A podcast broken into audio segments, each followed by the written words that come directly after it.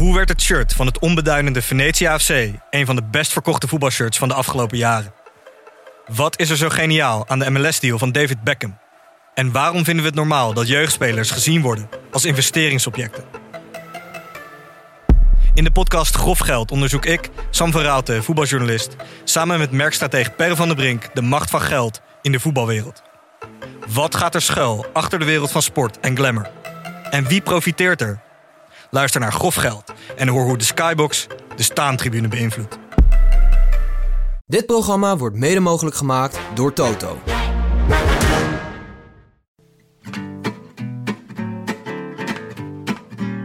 Vanuit het hart van de koers, onze comfortabele bank in Amsterdam-West. Dit is de eerste aflevering van de Rode Lantaarn, de dagelijkse podcast van Het is Koers.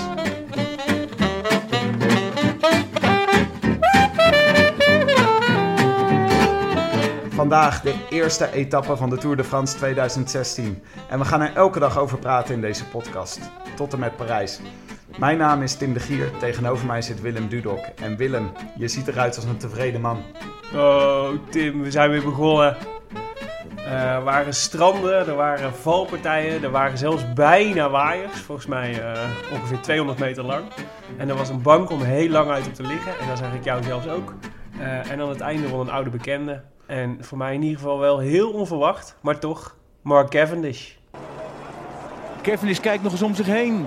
Cavendish kijkt om zich heen en daar komt Sagan. Sagan, hoe is het mogelijk? Sagan! Kittel. Sagan al lang op kop zeg. Daar komt Kittel, toch nog. Kittel is er voorbij. komt En Cavendish. Kev ook nog. En Gruipel. Ja, zeg het, maar. is Cavendish. Nou, Voor zijn 27e zegen. I wish I could be in the south of France. In the south of France. Sitting right next to you. En we gaan een podcast erover maken, Willem. Eh, we hebben vorige week de pilot eh, gedaan en we hebben het een en ander recht te zetten. Ja, precies. We moeten beginnen met een aantal rectificaties. Zo is Lucien van Impe in goede gezondheid. En komt Wout Poels niet uit Brabant, maar uit Limburg. Want Venray ligt in Limburg. Ja, eh, we geven alle, laten we alles op onze redactiestagiair Gaston schrijven. Ja, dat is waar. Gelukkig is hij heel goedkoop. We hebben ons vandaag wat beter eh, voorbereid. Eh, nou ja, koop het. En anders doen we volgende keer gewoon weer een rondje rectificaties. Vind ik prima. Het is een heel gezellige terug, eh, terugkerende rubriek. Absoluut. Zullen we naar de koers gaan? Het, eh, het is wel tijd voor de koers. Maak hem maar open, Willem. Oké. Cavendish. Ja man, je had het er vorige keer over dat het, eh, dat het wel bij het NK wielrennen leek op alsof het de jaren 90 was. Met, eh, met eh, Van Poppel en ehm, Van der Poel die voorop lagen. Maar Kevin is ook wel voor mij een naam uit, een, uit, een, uit het verleden hoor. Ik had niet verwacht dat hij dit nog kon. Ik geloof dat jij twee kilometer voor de finish nog een grapje maakte over de B-trein die hij had meegenomen. ja, ja, over de B-trein, ja. ja. Ik had ook niet het idee dat hij, dat hij het van zijn trein moest hebben. Volgens mij deed hij het allemaal keurig zelf. Eh, en ja, het was natuurlijk een beetje een tumultueuze sprint. Volgens mij gingen ze allemaal veel te vroeg aan. En eh wachtte Cavendish gewoon eh, het langst. Maar hij had echt nog wel echt een goede, goede punch aan het einde. En het is niet de minste die hij verslaat. Hè? Kittel en Grijpel. Ik vond het, het was indrukwekkend. Ze zaten allemaal voorin. Cavendish was, was de winnaar. Nummer twee was Kittel. Ja. Nummer drie Sagan. Ja. En dan Krijpel. Ja, Sagan had jij voorspeld. Ik had, ik had eh, nee, ik moet ook dat toegeven, Tim. Ik had niet verwacht dat Sagan hier derde ging worden. Eh, nou, Sagan die was, hij kwam eigenlijk eh, kwam die te vroeg voorop liggen. Dus we hebben Sagan ongeveer, denk ik, 300 meter Ja. met ruime afstand voorop zien liggen. Ja, 300 Toen was meter leek het, een beetje vanaf. 300 meter leek het erop alsof jij de prono ging winnen. De glazen bolcup. Ja, precies. En toen kwam het spook uit het verleden, Mark Cavendish, om, om je te beroven van die zegen. Zag jij hem zitten? Lette je op Cavendish? Nee, helemaal niet. Nee, eh, nee ja, serieus. Ik had echt, ik dacht, die Cavendish die gaat, eh, die gaat nog keurig meesprinten voor in de top 10 of zo. Maar ik had echt niet verwacht dat hij nog zou kunnen winnen. Misschien is het heel naïef en misschien onderschat ik hem. Maar misschien heb ik gewoon niet heel zoveel zicht op de, de Afrikaanse Tour die hij tegenwoordig, die tegenwoordig rijdt. Maar ja, nee, ik dacht echt dat is een verleden tijd. Maar niet dus, kennelijk. We hebben ons allemaal zand in de ogen laten strooien door eh, Mark. Nou, ik, vind het, ik moet zeggen dat ik het toch wel leuk vind. Het is een soort, eh, eh, soort driftkikker. Het is de eerste gele trui. Ik, heb- heb altijd wel een beetje... Ik heb een sympathie voor eh ja, ik Cavendish. zal je eerlijk ik heb hem nooit gemogen, Tim. Paul Die hele. Mark Cavendish niet. Wat is, wat is jouw probleem met Mark Ja, Cavendish? ik, nou, ik weet niet. Ik vond het altijd een beetje... Precies daarom. Zo'n vervelend driftkikkertje. Zo'n eh, arrogant sprintertje. Ik heb het daar niet zo op. Wie is, jouw, eh, wie is jouw lievelingssprinter? Ja, Marcel Kittel, hè? Toch, uiteindelijk. Grote, grote blonde Duitser. Ja, ja precies. Ja, we hebben toen toch die, eh, die documentaire samen gezien over dat jaar van, eh, van Argos Shimano en de tour daarvan. Dat was Ja. echt te gek. En toen, eh, toen heeft hij wel een beetje mijn hart gestolen. Een soort soft porno eh, van mannen. met de hele Dat tijd die nou- spierballen van Marcel Kittel. Het, dat zongebruinde lichaam wat en die blonde haren die daar onder de douche gingen na alweer een overwinning. Ja, ik zaten moet zeggen dat we dat niet onberoerd lieten, Tim.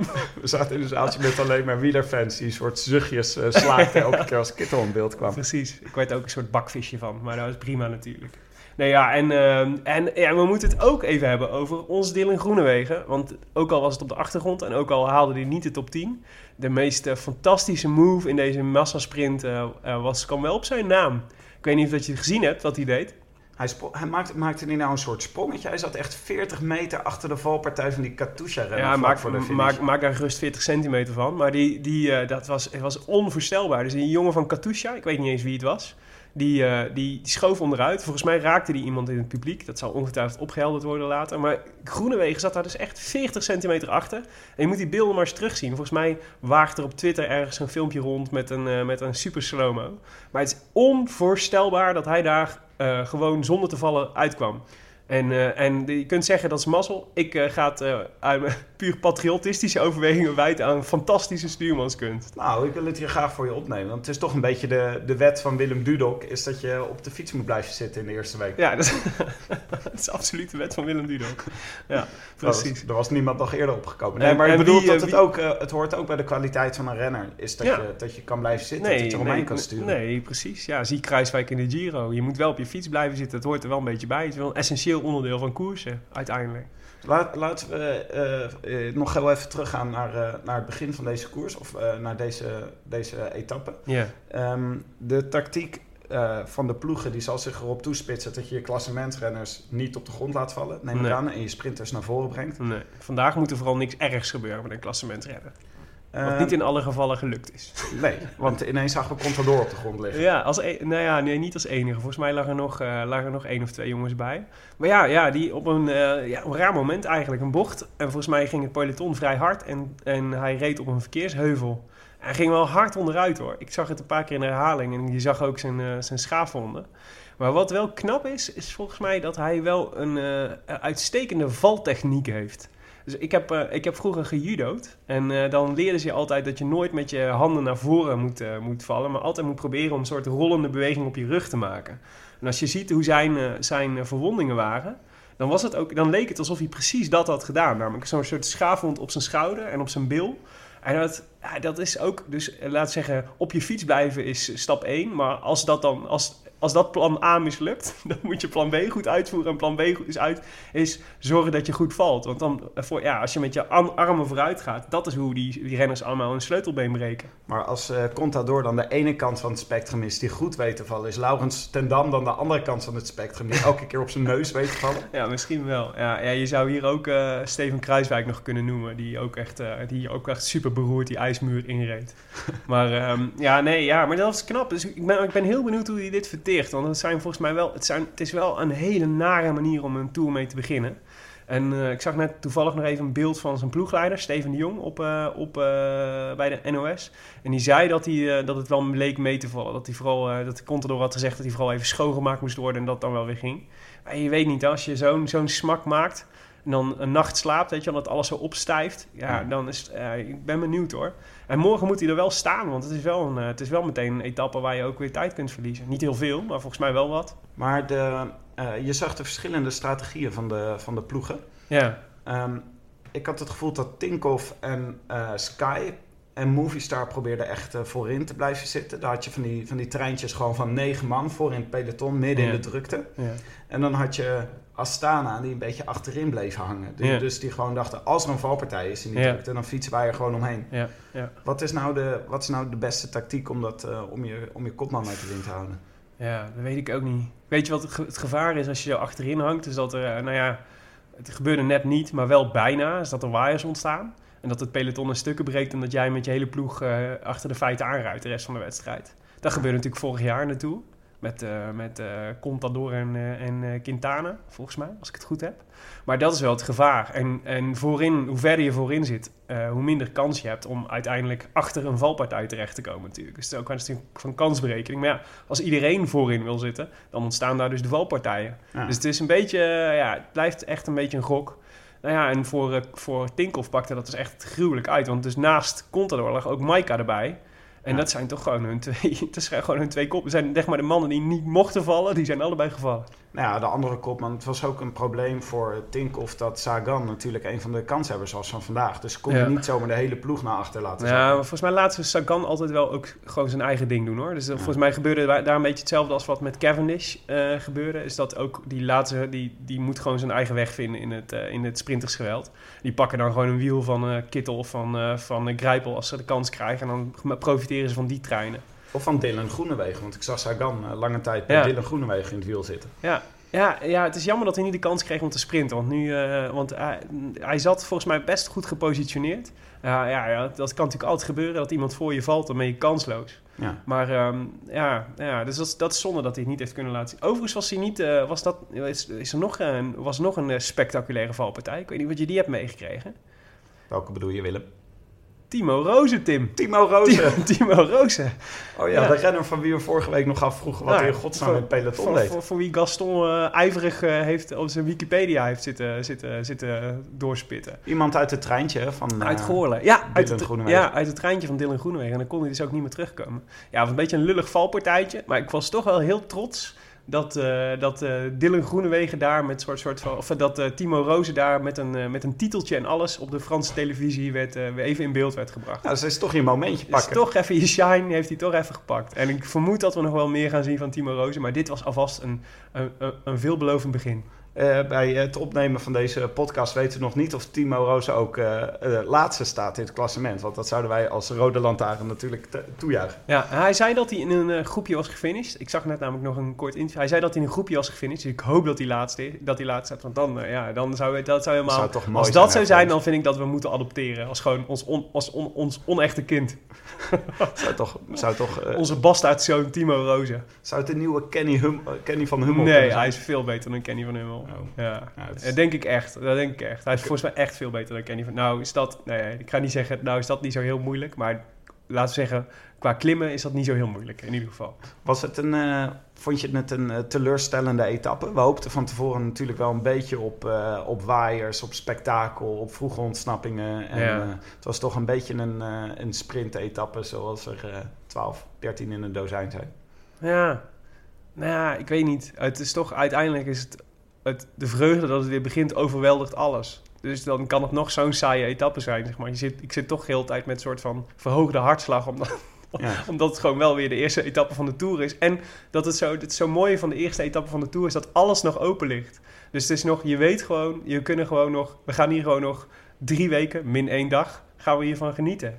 En dat is, dan maakt het eigenlijk niet zo gek veel uit of dat die etappe saai is. En het was natuurlijk gewoon super voorspelbaar. Dus gewoon een groepje, voor, een groepje wordt, eh, mag vanaf de start zo'n beetje wegrijden. En dan blijft dan tot, eh, tot een paar kilometer voor de streep blijven ze op, op twee, drie minuten hangen. En dan halen ze ze terug. Ja. En dan is er een massasprint. Nou ja, de winnaar was wel verrassend. Dus als, eh, maar dat was wel ook zo'n be- zo'n beetje het enige verrassende aan de, aan, de, aan de etappe. Nou ja, naast de valpartij van Contador. Nou, ze hadden natuurlijk, de tourorganisatie heeft er wel over nagedacht om, een, de, om de tour te beginnen met een vlakke Ja. etappe en niet met een proloog. Ja, wat vond jij daarvan?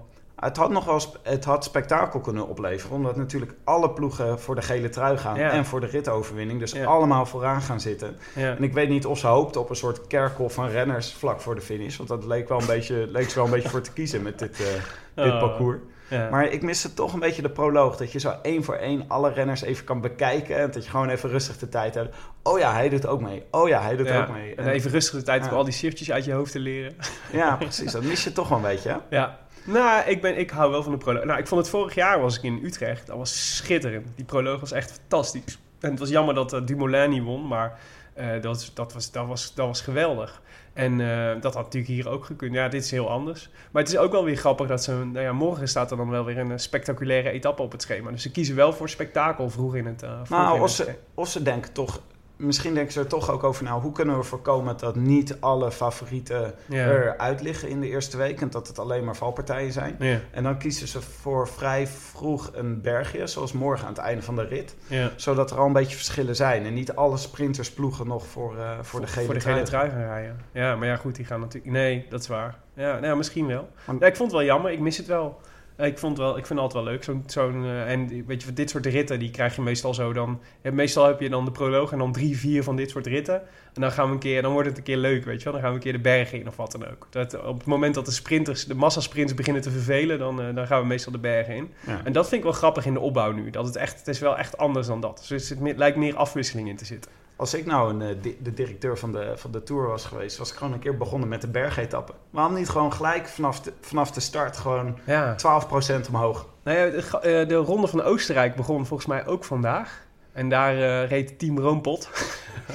Ach, natuurlijk, Team Roompot. En eh, daar zag ik dus, daar, is dus de pro, daar hebben ze wel een proloog. En die bestaat eruit dat, het, dat je 700 meter eh, tegen een berg op moet knallen, meteen. Ja. Zeg maar koud. dus dat vond ik ook wel een hele originele vond. Maar het is toch uiteindelijk meer iets voor de Giro of voor de Vuelta om zoiets te doen. De Giro was hier waarschijnlijk op het strand gefinished. Als de, In de branding. ja, precies. Ja, met de finishvlag voor de zee. Dat, omdat de Giro altijd probeert net, met een net iets eh spectaculairder parcours de Tour Net af iets te steilere wegen, die net iets, net, net- waar je de geiten nog moet wegduwen en zo, voordat je, er, voordat je er overheen kan. Ja, Ja. nee, precies. Hey, maar, en, en, eh, maar wat, wel, eh, wat ik wel nieuw zag, is, ehm, ik eh, is, eh, is de- ze proberen toch een klein beetje vormvernieuwing te hebben in, in, de, in ieder geval de weergave van de Tour. Dus zag jij die beelden uit de, uit de buik van het peloton? Het, de cameraatjes zijn, zitten die nou onder het zadel? Ja, ja ik, ik zag in ieder geval één snel, volgens mij hebben ze het niet, veel, niet vaak gedaan, maar ik zag in ieder geval één snel beeld van een camera onder het zadel, waardoor je een soort beeld kreeg van, een, van, van hoe, de, hoe de red in het peloton uitzag. En eh, dat is heel grappig, want ik, heb, ik kan me herinneren dat ik vorig jaar dus heel vaak van die aftermovies heb gekeken. Dat heel veel van die ploegen zelf soort van content gingen maken om, eh, om hun fans te bevredigen. En dat waren dan heel vaak van die GoPro'tjes die dan gemonteerd waren op de fiets of op de helm of achter op de fiets. En dat leverde echt spectaculaire beelden op, vooral bij valpartijen en zo. Echt waanzinnig. En het lijkt erop dat, dat de Franse regie dat nu ook in haar, eh, in haar verslaggeving eh, eh, verwerkt. Of in ieder geval een soort van eerste poging daartoe doet. Ik vind dat toch wel grappig, want het is gewoon, als je erover nadenkt, wielrennen ziet er gewoon al 25 jaar of 30 jaar, hoe lang kijk ik naar wielrennen? Zoiets. Ja. Hetzelfde uit. Het is altijd helikopterbeeldje, motorbeeldje. Helikopterbeeldje, motorbeeldje. Het is toch wel leuk dat ze een keer iets anders proberen. Ja, je zou best nog wat meer dingen uit kunnen proberen. Waarom vliegt er bijvoorbeeld niet gewoon een drone door het eh, peloton heen? Gewoon met de renners mee. Door, door, door, door het peloton heen. Maar, Nou, nou, bijvoorbeeld bij een afdaling waar die eh, motors altijd met, eh, Ja. met, die, met die supergevaarlijke snelheid ook naar beneden moeten rijden. Dan kan je natuurlijk best, zou je best een drone achteraan Zo'n kunnen droontje naast Nibali zo. lijkt me mooi. Ja. En als hij er dan langs moet, dat hij dan zo'nzelfde geluid maakt als een auto. Die, eh, dat lijkt me... ja. Maar de beelden waren nog niet heel spectaculair van de GoPro, vond je wel? Nee, ik vond nog een beetje tegenvallen. Maar daar hebben we waarschijnlijk ongetwijfeld... zijn al die teams nu bezig met het uploaden van eh, fantastisch bonusmateriaal. Dus die kunnen we straks allemaal op Facebook en op Twitter en zo kijken. Daar zie ik al erg naar uit. Ik vind het ook altijd mooi hoe de Tour probeert de etappes een beetje aan te kleden... door het één grote promotie voor Frankrijk te laten zijn. Ja. Vandaag stond helemaal een teken van D-Day.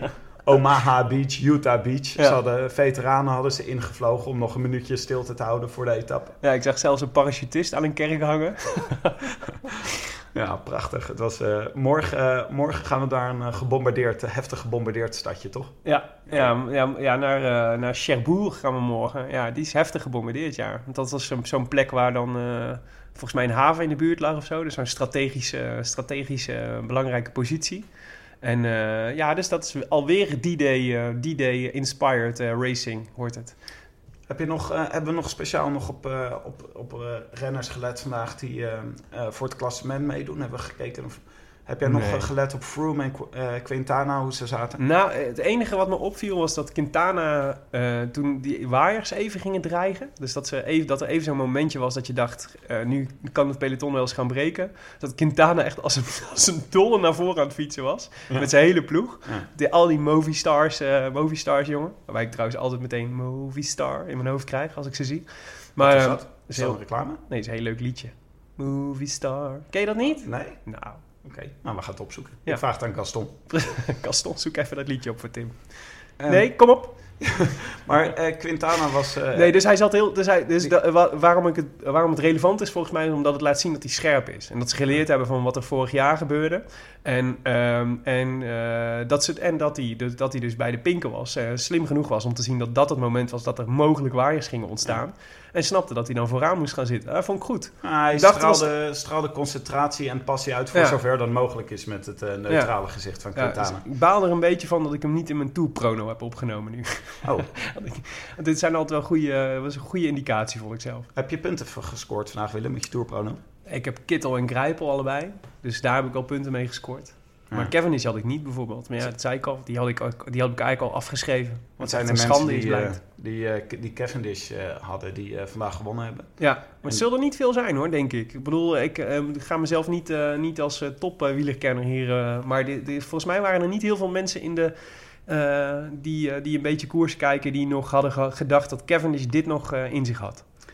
Maar ja, leuk voor, leuk voor. Willem, zal ik je nog één keer eh, bij eh, schenken? Dan kunnen we misschien nog even kijken naar de etappe van morgen. Laten we dat doen. Wat kan je me vertellen over de etappe van morgen? Nou, eh, spannend gaat het worden volgens mij. 182 kilometer, waarvan de laatste 3,1 kilometer, zoek ik even op, lees ik nu even voor, klimmen. Ehm, en dat is een soort, soort, raar, soort, raar soort klimmetje. Want het gaat volgens mij of het gaat 1,9 kilometer bergop. En dat is, daar zit dan het steilste deel in. 14% zit er een stuk in. Dat is, echt, dat is echt wel stevig. En dan een hele korte afdaling. En dan weer 700 meter omhoog. Maar dat is maar met 6%. Eh, maar 6% zeg ik, dat is best wel veel. 6% toch al. Voor in ieder geval een ongetrainde wielrenner. Maar niet voor deze mensen. Mm. En eh, ja, dus het is een, volgens mij een eh, etappe waar je op de puncheurs moet letten. Dus zeg maar de, de gasten die, die, die gewoon heel goed zijn in, in ontploffen. Ehm, eh, dus de Valverdes van deze wereld en de Alaphilippes en de, en de Daniel Martins en dat soort dingen. Maar de klassementsrenners moeten zich natuurlijk ook van voren melden. Ehm, dus die, die zul je ook wel zien. En ja, de vraag is toch ook een beetje hoe zwaar ze die eerst, dat eerste kolletje gaan, gaan maken. En hoe die 14% precies moet lezen. En of er misschien zelfs nog wel een goede massasprinter bij kan, eh, bij kan blijven. Of misschien eh, toch Greg van Avermaat. Over puncheurs gesproken. Die Maar- zet ik nu ook in één keer op mijn lijstje, bedenk ik me. Oké, maar Willem, voor de draad ermee. Op de, onder de hashtag eh Glazen Bolcup uh, verzamelt Thijs Zonneveld altijd op Twitter voorspellingen voor morgen. Ja. Laten we ons ook eh aan wagen. Ja, laten we daar lekker op jij? inhaken en onze luisteraars oproepen om hetzelfde te doen. Ik zeg, ehm, nou ja, ik heb in mijn tourpool heb ik Alaphilippe. Eh dus ik ga voor Alaphilippe. En, en ja, ja, Alaphilippe. Ik twijfel nog even tussen Daniel Martin en Alaphilippe, maar ik ga voor Alaphilippe. Ik zag eh, vanochtend in de kranten, zag ik eh, verschillende kranten voorspellen dat eh Greg van Avermaat voor de... Ga jij nou voor Greg van Avermaat? Dus dan ga ik voor Greg van Avermaat. Oh, oké. Hoezo? Nee, ja, dat vind ik heel leuk. Ik vind het heel Avermaat? leuk dat jij voor Greg van Avermaat gaat. Maar ik baalde een beetje dat ik nu dat ik over het hoofd heb gezien dat Greg van Avermaat ook meedoet. Want ik gun het Greg heel erg. Ja. Zeker nu hij niet meer elke etappe zesde wordt. Zou nog onverwacht een landgenoot kunnen zijn morgen? Ik zag dat eh, Kelderman eh, het in zijn, eh, in zijn agenda had geschreven morgen. Ik weet niet of hij echt de punch heeft om dit te kunnen winnen. Maar het is wel, ik vind het wel tof dat hij het, dat hij het in ieder geval wil proberen. En hij, ja, ik bedoel, hij, kan, hij zou het natuurlijk wel kunnen. Maar dan moeten er ook wel een heleboel andere foutjes maken of niet in vorm zijn, denk ik. Ja, Dylan van Baarle misschien? Zou kunnen? Nou, nee, denk ik eigenlijk niet. Nee, ik, nee, vanmorgen denk ik niet een, eh, een landgenoot. Ik denk, vermoed wel dat er een landgenoot in de top 10 gaat rijden. Maar ik denk niet dat, er een, eh, een, dat, we, dat we de drie kleur op het podium zien morgen. Oké, Willem, dus het gaat tussen Greg van Avermaat en Alaphilippe. Greg van Avermaat of Ali Philippe, ja, zeker. En dus ben ik altijd de winnaar, want ik zou Greg ook heel erg gunnen. Ja. Wij eh, gaan afsluiten, Tim. Want eh, deze allereerste etappe van de Rode Lantaarn werd gepresenteerd en geproduceerd door Tim de Gier en Willem Dudok. En speciale dank aan hetiskoers.nl, eh, de wielerblog van Nederland en Vlaanderen. En Johnny Wonder, communicatiebureau voor het digitale tijdperk, voor alle ondersteuning. Als je wil reageren op deze uitzending, dan waarderen we dat heel erg. Via Twitter zijn we te bereiken op Tim de Gier en Willem Dudok. En als je het nou heel erg leuk vond wat je hoorde, dan hopen we dat je helpt om het woord te verspreiden, om de podcast te verspreiden. Tip vooral je wielerminnende vrienden eh, en vergeet niet om jezelf te abonneren. We zitten ook op iTunes en nog op een heleboel andere platforms. Maar iTunes is volgens mij wel de belangrijkste en degene waar de meeste mensen op zitten. Dus eh, word abonnee daar van, het van eh, de Rode Lantaarn. Dan krijg je ze voortaan alle nieuwe afleveringen automatisch op je telefoon. En als je ons dan ook nog een hele goede rating geeft daar, dan zijn we helemaal blij. Want dat helpt anderen ook weer om de podcast beter te, eh, te ontdekken. Tim, het was het. Etappe 1 van de Rode Lantaarn. We hebben nog drie weken te gaan, maar de kop is graf. Ik ben zo blij dat het weer begonnen is, Willem. Ik ook, ik kan wel huilen. Ik zie je morgen. A biento. A biento. in the south of France, sitting right next to you.